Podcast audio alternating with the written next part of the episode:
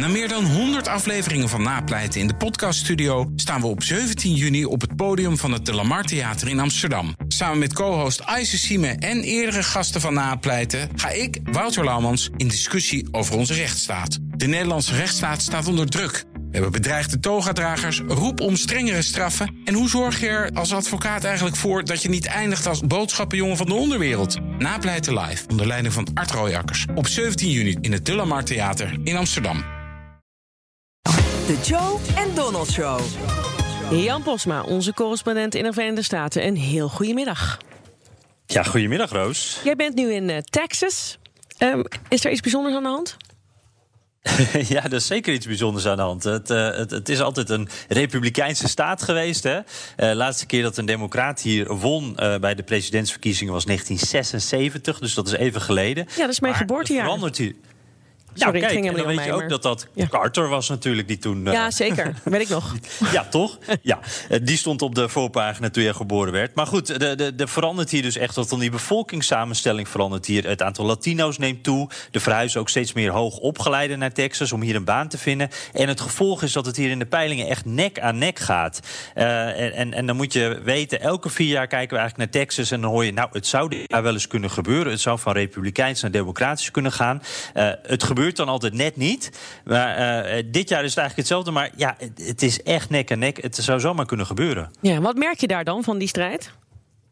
Nou ja, je, je weet natuurlijk, uh, het, het, is ook zo'n cliché, je altijd telt elke stem. Uh, maar hier wordt echt, echt om elke stem gestreden. Uh, allerlei organisaties houden zich daar ook mee bezig om, om mensen die normaal niet te stemmen, om die naar de, de stembussen te krijgen. Vooral veel democraten, die voelen echt dat hier iets mogelijk is.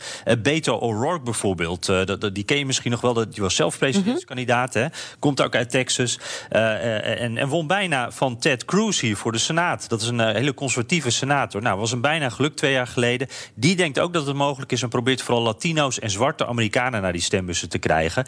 En vooral Latino's, dat is wel een groep waar Biden ook nog wel wat te winnen heeft. Oké, dus de Biden-campagne gaat ook naar Texas? Ja, en, en dat is ook wel een teken hoor. Ze doen het voorzichtig hoor. Dit, het gaat echt. Het is niet dat ze alle, alle stoppen of, of hoe noem je dat, alles uh, er vooruit trekken. Uh, maar uh, bijvoorbeeld Kamala Harris is hier morgen de hele dag. Die doet een toertje door Texas. Er rijdt hier ook een bus rond van de Biden-campagne. En als ik hier de tv aandoe, dan zie ik gewoon Biden-spotjes. Nou, dat, dat had je normaal ook niet in Texas. Namen ze gewoon niet eens de moeite. Nee, precies. Normaal gesproken had dat geen zin. Dan kun je geld beter uitgeven aan een staat die er wel, waar je wel kan winnen. Uh, nu heeft Mike Bloomberg, uh, die miljardair, hier ook miljoenen uh, uitgegeven. Hè? Dus dat is ook mede dankzij hem. Maar dat is ook echt een cijfertjesman en die ziet dus ook een mogelijkheid. Oké, en hoe gaat het met de stemmen daar? Gaat dat een beetje makkelijk?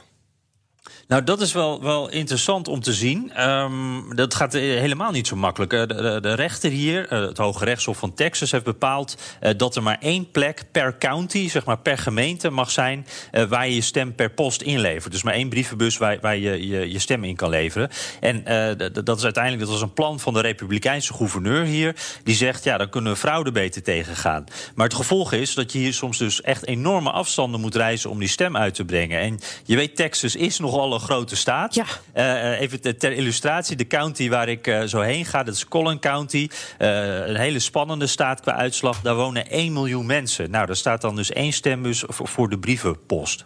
Voor 1 miljoen mensen?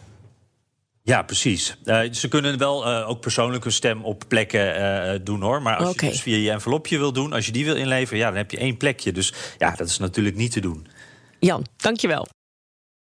Ook Bas van Werven vind je in de BNR-app. Ja, je kunt live naar mij en Iwan luisteren tijdens de ochtendspits. Je krijgt een melding van Breaking News. En niet alleen onze podcast Ochtendnieuws, maar alle BNR-podcasts vind je in de app. Download nu de gratis BNR-app en blijf scherp.